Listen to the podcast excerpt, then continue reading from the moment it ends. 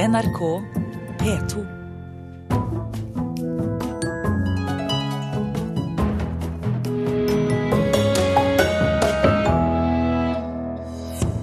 Kunstnere drar fra storbyene, nå er det småsteder som trekker de kreative til seg. 200 år siden Kiel-traktaten ble underskrevet, avtalen som ryddet vei for den norske grunnloven, blir feiret i den tyske havnebyen i dag. Dokumentarserie høster storm i Storbritannia. Mennesker på trygd føler seg uthengt av TV-kanal. Her er Kulturnytt i Nyhetsmorgen med Thomas Alvarstein Ove. Oslo og Bergen opplever nå en fraflytting av kunstnere. Storbyene er generelt mindre attraktive enn tidligere. Nå er det småbyer og småsteder som har den høyeste tilflyttingen, viser tall fra Telemarksforskning. To av dem som tenker nytt, valgte Toten fremfor Oslo. Bak ei låvedør på Toten fant danserne Ella Fiskum og Sudesh Adana det perfekte dansestudio. Dette lokalet er drømmen, ja. Ja. Låven og gården på Eina lokket paret ut av Oslo. To av flere kunstnere som har valgt å forlate storbyen. Det er jo overraskende i den forstand at uh, trenden hele tida har vært at uh, kunstnere velger å, å flytte til uh, store byer. Den største økninga kommer i, på småsteder og i småbyer. Det sier Bård Kleppe, som er forsker ved Telemarksforsking. Oslo hadde fra 2010 til våren 2013 en tilbakegang i bosatte kunstnere på nesten 2,5% Bergen på 3% og det totale antallet kunstnere økte i samme periode. Ja, det er flere kunstnere, og færre velger å bosette seg i byen. Her har vi da stua. Her er på modellen. Da. En operascene i miniatyr dukker opp i stua. Ja, det er på Teater de Châtelet i Paris. Sudesh har ansvaret for scenografien, og Ella skal danse. Ja, Vi, skal ha, vi har premiere 5. mai. De etablerte danserne jobber på scener over hele verden, og Toten er nær både utland og Oslo, mener de. Vi er en og en halv time unna med toget vi er én time fra Gardermoen, så er det allikevel veldig sentralt, tenker vi. Så her har det, vært sånn tørke, så han bonden han hadde jo da Sånt, dette gulvet kommer fra han. Den romslige låven ble viktig for avgjørelsen om å flytte på landet. Eh, 265 kvadratmeter og i hvert fall sju meter under Møne. Dette er et lokale de bare kunne drømme om å ha råd til i Oslo. Eh, kunstnere har ikke muligheten til å gå inn på en eh, tiårskontrakt med, med, private aktører i markedet som skal ha leie. leie. Det, er, det, er, noen summer som ikke noen kunstnere har muligheten til å gå inn på. Ja, Nå glemte jeg forresten å vise deg opp her. for Her er det vår skog. På den romslige gården med store jorder, utsikt over Einafjorden ja, og 100 mål skog i ryggen, fant de en egen frihet. Den friheten er helt stor. Du kan ikke, du kan ikke få den i Oslo. Gå inn i residenshuset Martas hus. Og med to bolighus på tomta ble det mulig å tilby en residensordning. Dvs. Si at kunstnere fra hele verden kan komme og bo og jobbe hos dem i perioder. Det var òg avgjørende for valget om å flytte. Hvis vi først skal ha et flott arbeidssted eh, her, så må vi liksom dele det. Så da fikk jeg sånn internasjonalt residensvirksomhet i tillegg til at vi selv skal jobbe med produksjoner, som var liksom ideen. Det er om å gjøre for oss å være på ballen og smi mens ildsjelene er varme. Sier Halfrid Velure, som er rådgiver i Kulturenheten i Oppland fylke. Et fylke som i undersøkelser scorer svakt på kunstfeltet, med få unge kunstnere og få nyetableringer. Nå har de fått 3% flere. Gledelig og viktig, mener Velure. Vi syns jo det er spennende når det kommer eh, nyetableringer i Oppland. Eh, kunstnere, kulturarbeidere som eh, etablere seg her, skape her og lage eh, flere tilbud til publikum i Oppland. Ella og Sudesh trives blant bønder på Toten, og mener at dem har mye til felles. For det at altså, Dansere jobber hardt med kroppen, med fysisk kroppe. Og bønder jobber beinhardt, og de har heller ikke noe særlig inntjeningsmuligheter. Og så er vi begge avhengig av subsidier. og reporter på Toten var eh, Torunn Myhre. Agnes Moxnes, kulturkommentator i NRK. Hvorfor tror du kunstnerne trekker ut av byene? Jeg hører jo her at det første argumentet er vel, eh, eller begrunnelsen er jo penger. At det er blitt veldig, veldig dyrt å bo i de store byene. Og kunstnere trenger eh, ofte kostbare lokaler, eller store lokale verksteder og atelier og sånt noe. Og så vet vi jo det at dette er en gruppe som ikke akkurat ligger på lønnstoppen. Men likevel så, så bosetter de ikke seg hvor som helst i, i distriktene? Altså det vi hører her, er jo at de har Gardermoen, altså en stor flyplass eh, like eh, ved seg. Og, og, det betyr at de kan reise ut av eh, landet, som i dette tilfellet. Men veldig mange kunstnere er jo selvstendige arbeidstahere. Altså de har en egen liten arbeidsplass, og de er ofte på reise. Og en av de viktigste arbeidsgiverne i Norge nå er jo sånn som Den kulturelle skolesekken og Rikskonsertene og sånt noe, som gjør at du, du trenger egentlig ikke å, å, bo i en by for å ha en, en arbeidsplass. Undersøkelser før valget i høst viste at kunstnere gjerne foretrakk Miljøpartiet De Grønne. Hva kan det fortelle oss i denne sammenhengen? Ja, Det er interessant, fordi at i denne undersøkelsen som NRK, programmet Kulturhuset her i NRK laget, så viste det seg at mens De Grønne lå i nærheten av, av eh, sperregrensa i den øvrige befolkningen, så skåret altså eh, De Grønne 30% bortimot 30 av, av kunstnernes eh, stemmer. Eh, og, eh, og, de svarte også at eh, miljø- og, og, klimaspørsmål var omtrent like viktige som spørsmål om kulturpolitikk. Sånn at vi kan nok tenke oss at det ligger en grønn tanke, tenkemåte i, i bånn her, som også kan være med på å forklare hvorfor kunstnere nå i såpass stor grad faktisk ser ut til å flytte ut av de store byene. Hvilken betydning kan denne flyttingen ha for, eh, for stedene kunstnerne flytter fra på den ene siden og til da på den andre siden? Altså En måte å definere kreativitet på er jo at man tenker utenfor de vanlige boksene. Og den kreative klassen, som vi vel kanskje kan si vi snakker om her, har jo alltid hatt rollen som eh, trendsettere, ikke minst når det gjelder steder å bo. Det finnes jo et utall av bydeler i byer rundt omkring i verden som er blitt berømte nettopp fordi kunstnerne har flyttet inn der og skapt nytt liv og masse røre. Og så ser vi av den samme undersøkelsen altså om eh, hvem, hvilke partier kunstnere stemmer på, så ser vi også at kunstnerne ser på seg selv som en veldig samfunnsengasjert eh, klasse. Så jeg vil jo tro at for et lokalsamfunn så er dette en vinn-vinn-situasjon. Ser vi noen lignende tendenser på, på denne flyttestrømmen i andre land? Ja, Man gjør eh, faktisk det. både altså, I de aller største byene, New York, London, Paris, så ser du eh, eh, lignende utviklingstrekk. Og Jeg leste et intervju med den amerikanske musikeren Patti Smith, hvor hun ble spurt om hvilke råd hun ville gi til unge kunstnere som skulle erobre New York City. Og hun sa at det beste rådet jeg kan gi dere, det er å komme dere ut av byen. Takk skal du ha, Agnes Moxnes.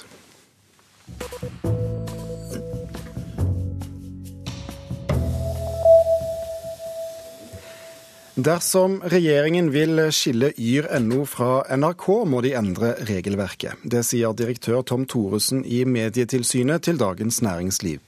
I 2010 konkluderte tilsynet med at værtjenesten var en del av allmennkringkastingsoppdraget.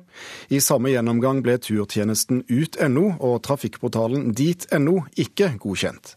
Kulturminister Toril Vidvei tar innspillet til etterretning og sier regler kan bli endret. Elever bruker mye av tiden på skole-PC-en til å sjekke Facebook, spille, lese blogger og nettaviser og chatte. Det kommer frem i doktoravhandlingen til Marte Bikstad Barlas ved Universitetet i Oslo. Hun sier til Aftenposten at mange av elevene sier at det er mer regelen enn unntaket at de fyller skoletiden med ting som ikke har noe særlig med skole å gjøre. Hun mener norsk skole har vært opptatt av å komme seg på nett, men ikke så opptatt av hva de skal gjøre der.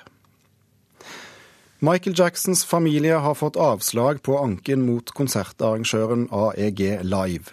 I oktober frifant en jury arrangøren for å ha opptrådt uaktsomt da de ansatte legen Conrad Murray som Jacksons personlige lege i forbindelse med artistens comeback-show. Avgjørelsen kom, en, kom, fem, kom, avgjørelsen kom etter en fem måneder lang rettssak. Murray ble i 2011 dømt til fire års fengsel for uaktsomt drap.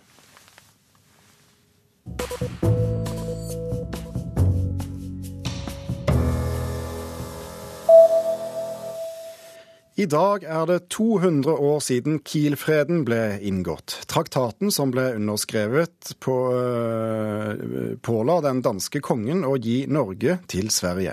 Senere i dag åpner en utstilling i den tyske byen, i samme bygning der eh, traktaten ble signert for 200 år siden. Reporter Hege Holm, du har tatt Kiel-fergen rett og slett ned sammen med over 400 skal vi si, 1814-entusiaster for å gå på utstillingsåpning. Hva er så spesielt med denne fredsavtalen fra Kiel?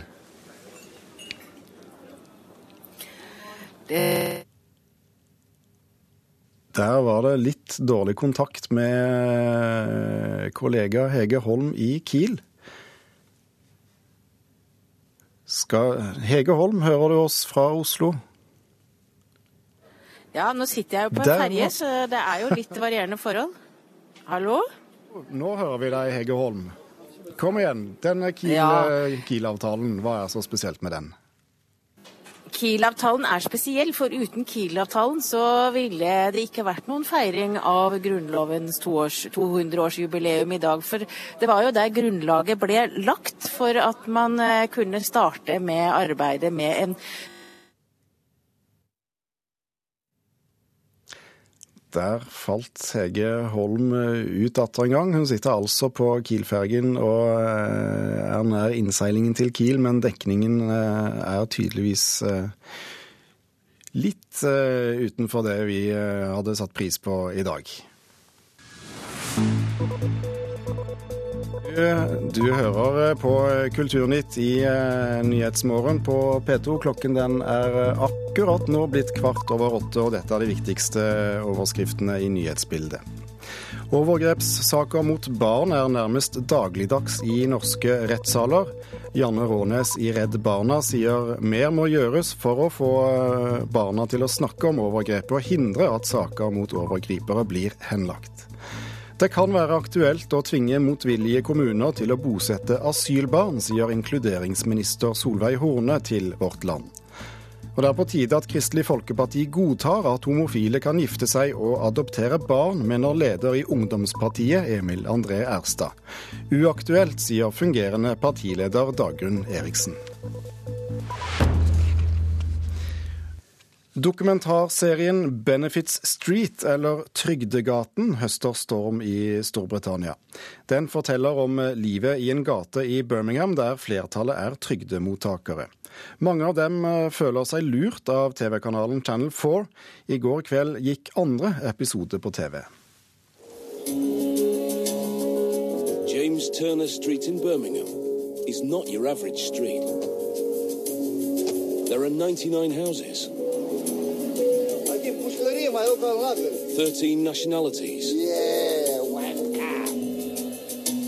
And most of the residents Penny for the poor are claiming benefits. Probably 5% of people on this road that are working. But times are getting tougher. Ja, TV-serien Benefits Street har eh, skapt stort engasjement i Storbritannia. Espen Aas, eh, vår korrespondent på de britiske øyer, hvorfor har den det? Her har eh, TV-seerne fått møte de som befinner seg aller, aller nederst på den sosiale rangstigen. Noen av de fattigste familiene i, i Birmingham, hvor da denne serien er, er, spilt inn. Mange av dem har aldri jobbet, de lever på trygd, de stjeler. Vi får vite hvordan de stjeler, de røyker, de drikker brus og lever på trygd. Trygd betalt av ja, skattebetalerne eller eh, TV-seerne. Samtidig ser vi også hjem med store eh, flatskjermer, og ting de har kunnet da kjøpe for trygden. Eh, de bor i relativt store og med svært eh, nedslitte leide hus. Og engasjementet hos folk, særlig på sosiale medier, har blitt veldig stort i løpet av disse to episodene.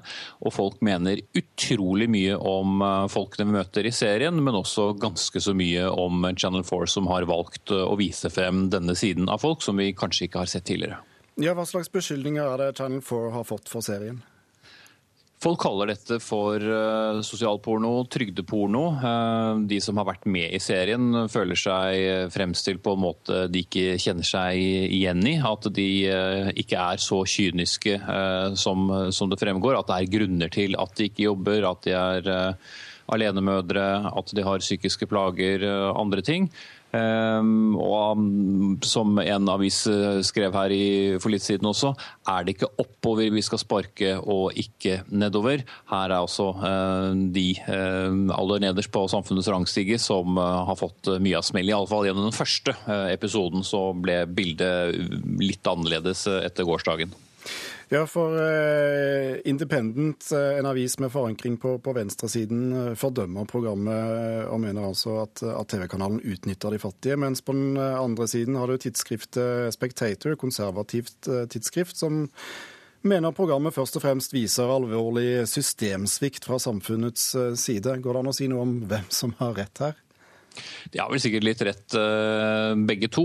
Det er jo påfallende at vi aldri eh, får møte de som kanskje utnytter disse sosial- og trygdemottakerne, eh, som eier husene de bor i, som skrur opp leien, som kaster dem ut. Vi får ikke se den siden av det. Vi møter utelukkende de som lever der. Er det en, en, sunn holdning til alle beboerne der politi og kommune har, eller er de mer eller mindre overlatt til seg selv?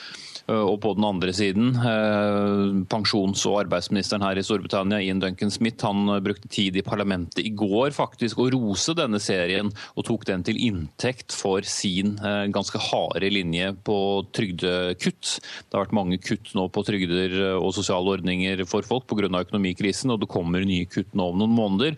Og han mente at denne serien viste at politikken til regjeringen var helt riktig når folk som går på, på trygd likevel har råd til å ha så mange soverom, når de har råd til flatskjerm-TV og ikke minst har råd til å røyke så utrolig mye som eh, de fleste i denne serien gjør.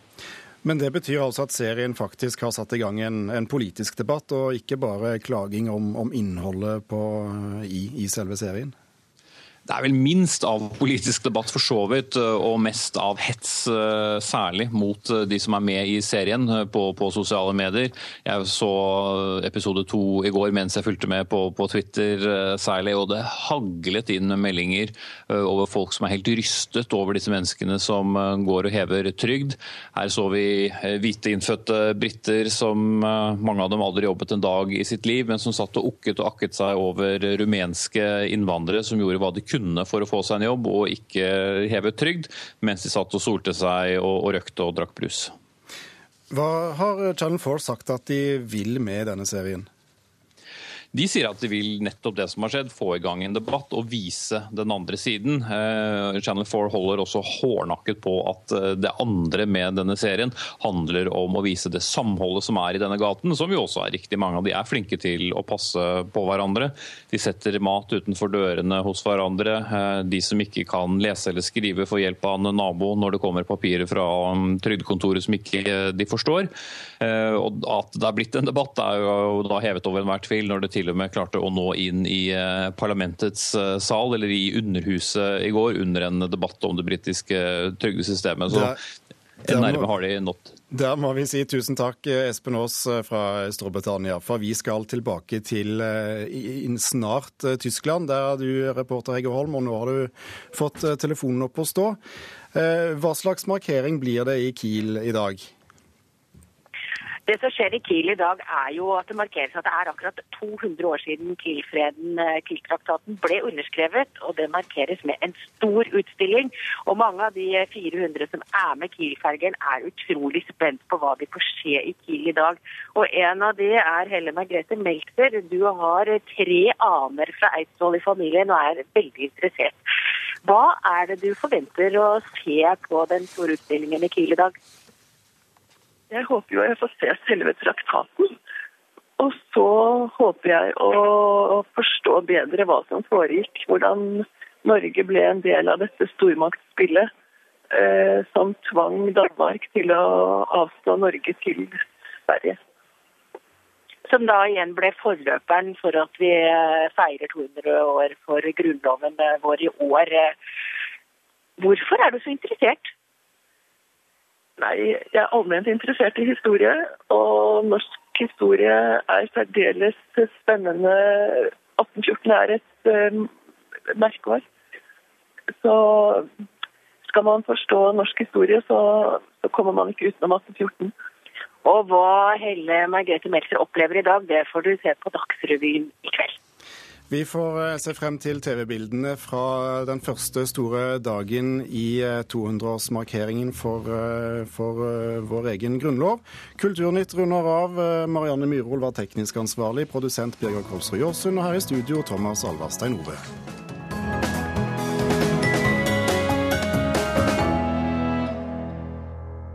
Hør flere podkaster på nrk.no podkast.